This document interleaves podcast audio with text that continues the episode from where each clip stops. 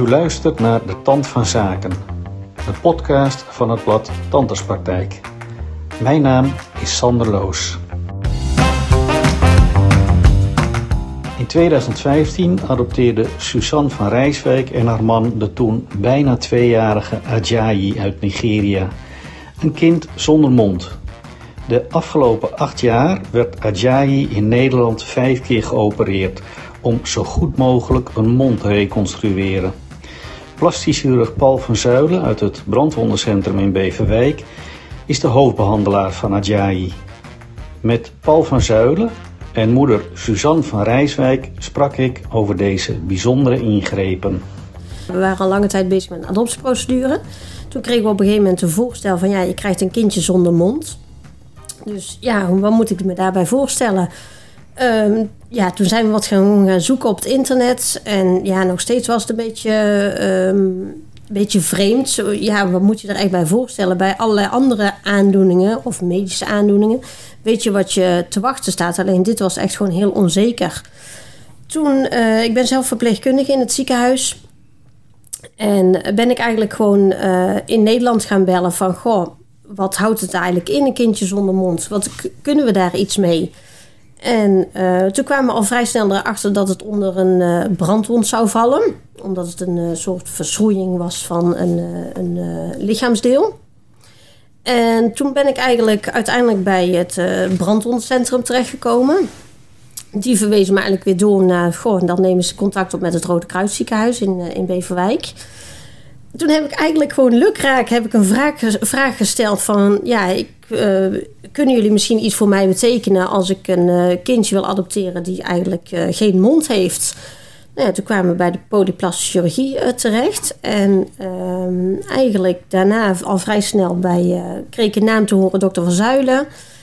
En die heeft me toen op een keer gebeld van... nou, ik hoor dat je een bijzondere casus hebt... Uh, mag ik daar iets meer van weten? Nou, dus het hele verhaal uitgelegd dat we met de adoptie bezig waren. En uh, ja, met de vraag of dat er iemand was die hem kon helpen, onze zoon kon helpen. En toen zei dokter Van Zuilen eigenlijk al vrij snel van... ik vind het heel spannend, het is uniek, maar ik denk dat ik het wel kan. En eigenlijk op dat moment hebben wij toen uh, ja gezegd tegen de adoptie. En toen is de adoptieprocedure uh, gaan rollen.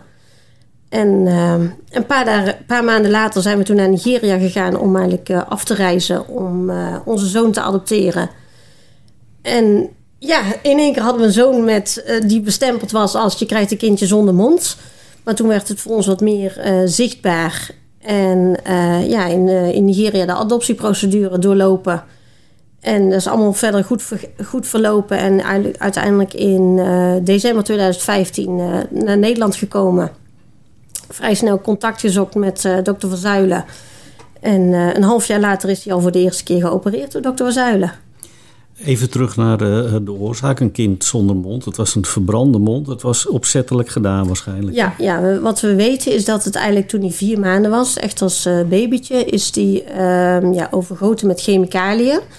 En die chemicaliën hebben ervoor gezorgd dat het echt een, dus een chemische verbranding zeg maar, was. Daarna is hij uiteindelijk wel, toen het gedaan, uh, de gebeurtenis uh, gebeurd was, is hij ten vondeling gelegd. En eigenlijk zo door de ja, politie in Nigeria eigenlijk uh, gevonden. Want ze hadden hem op een plek gelegd waar dat hij gevonden kon worden. Zodat er toch mensen hem konden helpen. Nou, in dit geval zijn wij dat dus nu geworden. Ja.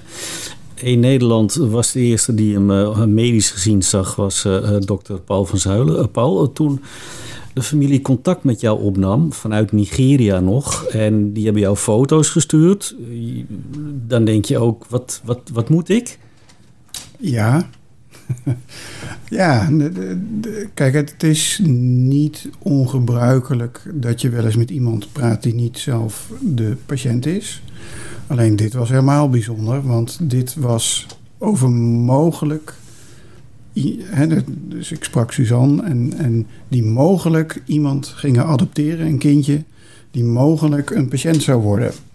En uh, dat was wel bijzonder, ja. Maar daarmee ook alweer, uh, ja, ik, het triggerde mij natuurlijk ook mijn nieuwsgierigheid ook wel van, goh, dan wil ik ook wel meer weten wat nou precies de vraag is. Dat wil je sowieso, maar in dit geval was het wel bijzonder. Jij liet Suzanne vrij snel weten, het zal lastig zijn, maar ik vind het een uitdaging. Was dat voor jou en jouw team de uitdaging in? Ehm, nou, ook doordat je veel niet weet. Het is hoogst ongebruikelijk natuurlijk om, nou ja, onder uh, benoemd als zijnde geen mond. Ja, dat, en dan, dan moet je dat ook nog eens een keer van afstand beoordelen. Dat, dat, dat gaat nauwelijks, dat gaat niet. Um, dus dat is al een uitdaging, ook omdat je daar in Nederland nooit mee te maken hebt. En ik ook, voor, ik heb ook in het buitenland gewerkt, ook nooit gezien. Dus in die zin is die uitdaging daar al.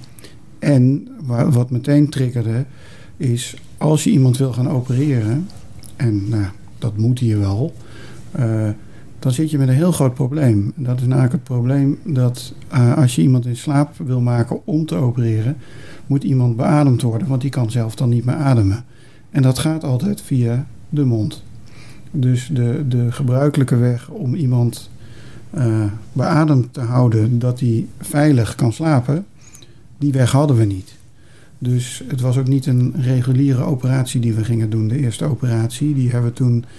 Kijk, eigenlijk opereer ik bijna alleen in Beverwijk, in het brandwondencentrum en in het ziekenhuis waar het brandwondencentrum zit. Maar hier heb ik, uh, ik heb ook een aanstelling in het Amsterdam UMC.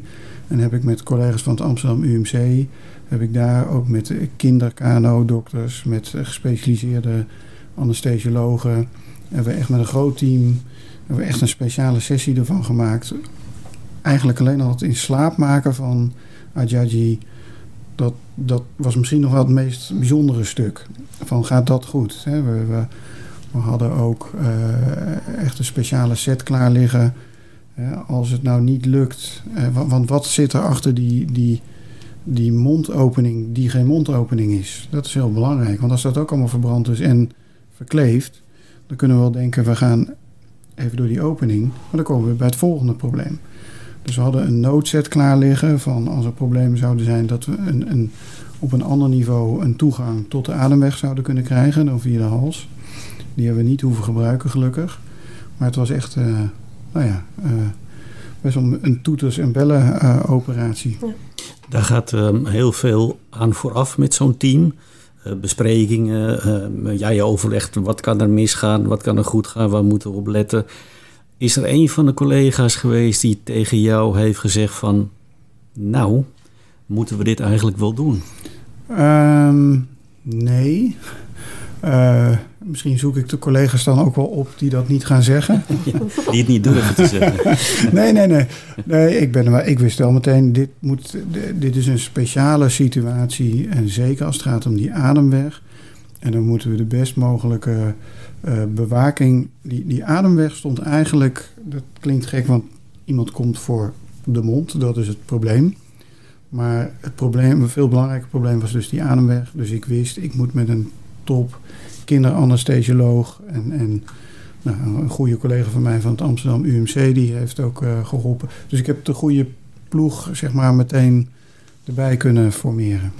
Maar als ik het goed begrijp, eigenlijk eh, op de operatietafel hebben jullie pas echt kunnen zien hoe groot de schade was. Dat Klopt. heb je niet vooraf kunnen, kunnen inschatten. Dat was een verrassing.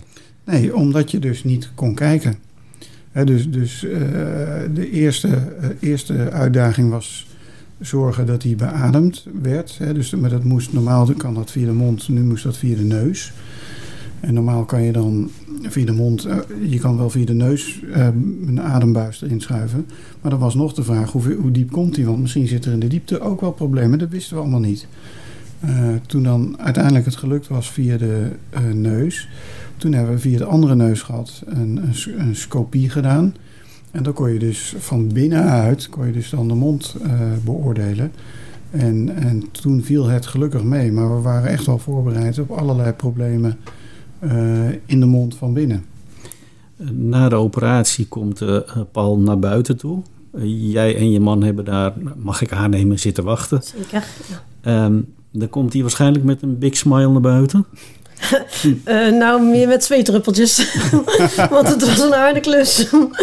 en, uh, maar wel inderdaad uh, met, met het nieuws dat het gelukt was. En de eerste intentie was ook voor de operatie om echt een kijkoperatie te doen. Om te kijken wat de schade was binnenin. En zoals ehm, Paul net al aangaf, dat viel mee. Um, de, de slokdarm was verder intact. Um, ja, de, de, de mond was natuurlijk wel verder aangedaan. De tong was aangedaan.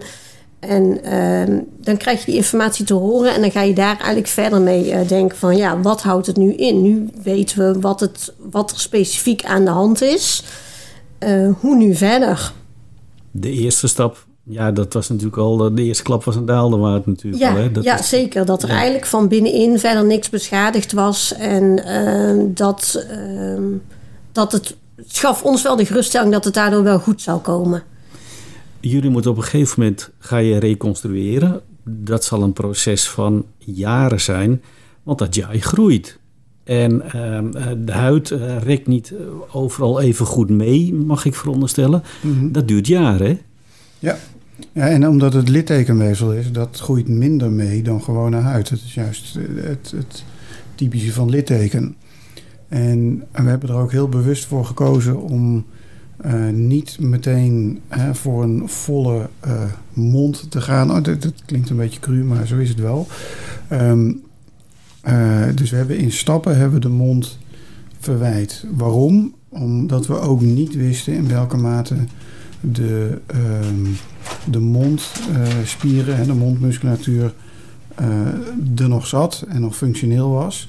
En als we dan te veel st grote stappen wilden maken door het litteken heen, dan zou het dus ook kunnen betekenen dat we de nog goede spieren die daar daarnaast ligt, dat we die zouden beschadigen. dus we hebben het echt in stappen gedaan en dat is denk ik een heel verstandige keuze geweest.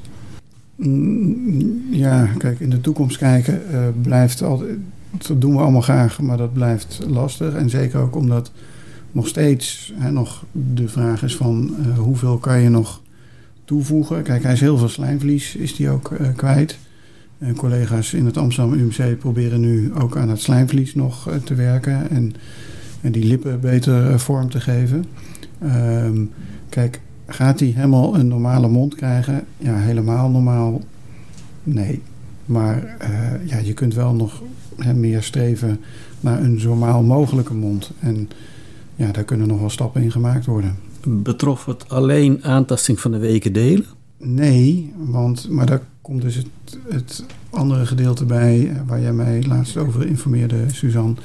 Want er zijn röntgenfoto's gemaakt ja. en, en ja. blijkt, uh, en dat is dus niet mijn pakje on geweest, zou ik maar zeggen. Dus daar kan jij... Ja, er zijn uh, röntgenfoto's gemaakt en blijkt toch ook wel dat zijn, zijn kaken daardoor...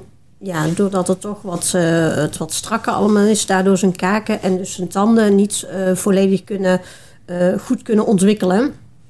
En ook dat zijn, ehm, ja, hoe beschrijf je dat?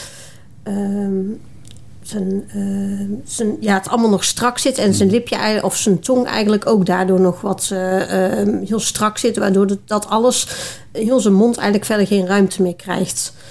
En um, ja, daardoor eigenlijk ook de slijmvliezen, zoals uh, aangeeft, ook al wat uitgerekt zijn, maar nog niet. Um, op een gegeven moment zit er geen rek meer in, zeg maar. Dus dan moet er via een andere manier moeten ze iets gaan bedenken om toch meer ruimte uh, te creëren. Waar haal je slijmvlies vandaan? Nou, je kan uh, verderop uit de mond kan je slijmvlies uh, halen. Maar niet veel, toch? Klein mondje? Nee, maar ik vind het lastig om te zeggen, want het is natuurlijk best wel veel slijmvlies tekort. En ook daar moet je in stappen moet je dus toewerken naar het opbouwen. Dus ik vind het nu lastig om te zeggen uh, hoeveel je daar uh, nog kan transporteren. Tenminste, of dat dat gaat lukken om dat helemaal aan te vullen. Uh, hoe is de spraak van Ajay? Want hij is natuurlijk, ja, die tong is niet zoals hij zou moeten zijn. Ja. Zijn mondmusculatuur is niet optimaal. Is hij goed? Ja, spreekt hij is goed? Heel, heel goed verstaanbaar. Spreekt gewoon goed Nederlands. We hebben um, wel na, um, vanaf de tweede operatie zijn we eigenlijk begonnen met uh, logopedie. En um, ja, dan krijgt hij echt mondoefeningen van oe, i, a, om dit alles wat, wat op te rekken en groter te doen. En dan natuurlijk aan de uitspraak. En ik denk vanaf na operatie 3, toen zijn we een beetje begonnen met, kregen we uh, specifieke kaakvisio. En toen gingen we oefeningen doen om echt de kaak wat, wat op te rekken. Dat ging eerst eigenlijk met onze, met onze handen, met tussen je vingers tussen je mond zetten om het zo allemaal op te trekken. Of je, je kaken masseren. Uh, en daarna hebben we uiteindelijk um, uh, ja, een, een ja, ik noem het een wasknijper. Het, het, heet een soort terabyte hebben we gekregen van de kaakvisio om steeds in standen um, ja, de mondopening op te rekken. En dat deden we dan elke dag. meerdere keren per dag om zo toch het weefsel zijn rekking te geven. Als je nu terugkijkt, Paul, naar de periode die. het gaat nu nog steeds door, maar de achterliggende periode nou, dan denk ik dat je toch wel eens tevreden thuis op de bank zit en hier nog eens aan terugdenkt. Nou, de, de, wat, ook, wat ook heel, heel leuk is, ik krijg uh, elk jaar een uh, soort kerstgroet met de familie. En op zo'n moment en, dan kijk ik ook naar de big smile van Adjaji. En uh, dat vind ik heel leuk. En, en het is echt niet zo dat, dat iedere patiënt van mij de 06 krijgt. Maar in dit geval, vanwege de bijzondere omstandigheden, heb ik dat zeker toegestaan. En het mooist vond ik eigenlijk uh, het moment dat hij een banaan in zijn mond stopt. en eigenlijk is die banaan net nog even iets te groot. En je ziet ook echt dat die banaan zelf denkt van ik pas nog niet helemaal. Maar Ajaji die stopt die banaan toch maar even in zijn mond. En dat, ja, dat vind ik echt een briljante foto. Ja. Vind ik dat. En dat, op zo'n moment denk ik van ja, dat is toch wel al heel mooi gelukt. En gelukkig kan het nog beter worden dan dit. Maar wat we hier bereikt hebben is al heel mooi. Um, is het internationaal opgepikt door collega's? Um, nou, ik heb daar nooit echt zelf aandacht aan besteed, anders dan aan het persoonlijke van dit. Dat zou kunnen. Hè. We, we, uh, het is niet zo dat ik, uh, ik publiceer best wel veel, ook vanuit mijn andere functie. Ik heb hier niet specifiek over nagedacht om hierover te publiceren. Dat, dat zou. Ja, moet je doen, uh, toch? Nou ja, dat is een goede tip, dankjewel. nee, maar dit, het is toch wel een bijzonder iets. Dat ja. verbaast me. En, en... Ja, nee, ja, ja ik, dat komt misschien... Ik ben meer van de, de grote studies en, en de uh, allerlei... Ik heb me nooit zozeer op de case reports gericht, maar zeker in dit geval... Want wat ik toen ook al tegen jou zei, Suzanne, helemaal in het begin... Um, waar je, of dat, of dat jullie het kind ook gaan adopteren of niet. En het zal ergens geholpen moeten worden, waar je ook gaat. Het is een bijzonderheid. Dat klopt. Dat, dat ja. is zo. En in die zin is het inderdaad. Uh, nee, nogmaals dank voor de, voor de tip. Nee, ik ga, ik ga het zeker even in heroverweging nemen. Ik heb er nooit zo naar gekeken. Naar, dit, uh, naar deze casus. Maar uh, ja. Binnenkort um, staat er weer een operatie op het schema. Uh, dat is in de VU in Amsterdam. Ja, klopt. Uh, wat gaat er dan gebeuren? Gewoon kleine correcties? Nou ja, dan willen ze eigenlijk... We zijn nu de laatste twee operaties eigenlijk bezig met echt het reconstrueren. Dus toen heeft uh, dokter Verzuilen heeft al met de binnenkant van zijn slijm... of van zijn wangen, dus van zijn slijmvlies... een lipje proberen te creëren. En eigenlijk op die manier willen ze nu zowel de boven- als de onderlip doen. Alleen het is dus nog wel de vraag of dat, dat met de slijmvliezen van de, de binnenkant van de wangen lukt of dat er echt een stukje huidtransplantatie uh, nodig zal zijn. En uh, ja, dat staat wel dit jaar nog in de planning. Dus ik weet nog niet precies wanneer. Maar ergens dit jaar uh, is het wel tijd, omdat het nu dan vier jaar geleden is voor de laatste operatie. En Adjai wordt daardoor ook zelf ouder. Die ehm, begint zichzelf. Ja, hij is best, het is best een ijdel jongetje. eigenlijk altijd goed gegaan, kan zich goed verweren. En ja, helaas wordt hij de laatste tijd wel daardoor wat gepest. Maar doordat um, ook wel dat hij weet dat er toch nog wel anders gaat worden. En dat hij eh, daardoor mogelijk nog een andere reconstructie gaat krijgen om het nog mooier te maken. Ik zag een foto die recent gemaakt is van hem. Uh, rasta haar met, uh, met highlights? nee, ja, dat is door de zon. dus, nee, het is inderdaad wel gewoon zijn eigen haar. En uh, dat zijn we gewoon helemaal aan indraaien, waardoor hij een wat stoerder kapsel krijgt. En door de zon is het wat verkleurd. Dus het lijkt inderdaad op dat hij highlights heeft, maar dat is gewoon zijn eigen haar. Gaat hij met tegenzin naar het ziekenhuis? Of is hij inmiddels maatjes met Paul van Zijl? Ja, dikke maatjes. Altijd als hij binnenkomt. Ik weet nog wel vroeger toen hij klein was uh, op de schoenen staan. En uh, weet je, altijd high-fiven. En uh, ja, eigenlijk noemt hij hem wel als zijn grote vriend, zeg maar. En vindt het ook echt helemaal niet erg om... het is natuurlijk van ons uit best wel een eindje rijden... dat maakt wel, dat, dat vindt hij wel lastig. Maar als we dan eenmaal hier in het ziekenhuis zijn, dan uh, vindt hij het allemaal prima. En uh, kleine Ajay, die ook al is hij nou al bijna negen. Kleine Ajay gaat gewoon mee. Dat is een knuffel die we gekregen hebben. En uh, ja, daar heeft hij wel heel veel houvast aan. Paul, afsluitend. Dit is toch eigenlijk veel leuker werk dan um, ooglidcorrecties? Um, ja, maar nee, ik ben met mijn, uh, ik ben uh, plaschirurg, dus, dus ooglidcorrecties heb ik ook heel veel gedaan. Maar mijn tijd wordt vooral besteed aan brandwondenzorg en, en complexe wonden en littekenproblematiek en, nou, en, en, en dit soort dingen. En dit is zeker ook een bijzondere ja, casus. Mooi vak. En een mooie jongen had jij. Zeker. Mag ik jullie bedanken voor jullie komst? Graag gedaan. Dank jullie wel. Ja. U luisterde naar de Tand van Zaken, de podcast van het blad Tandartspraktijk.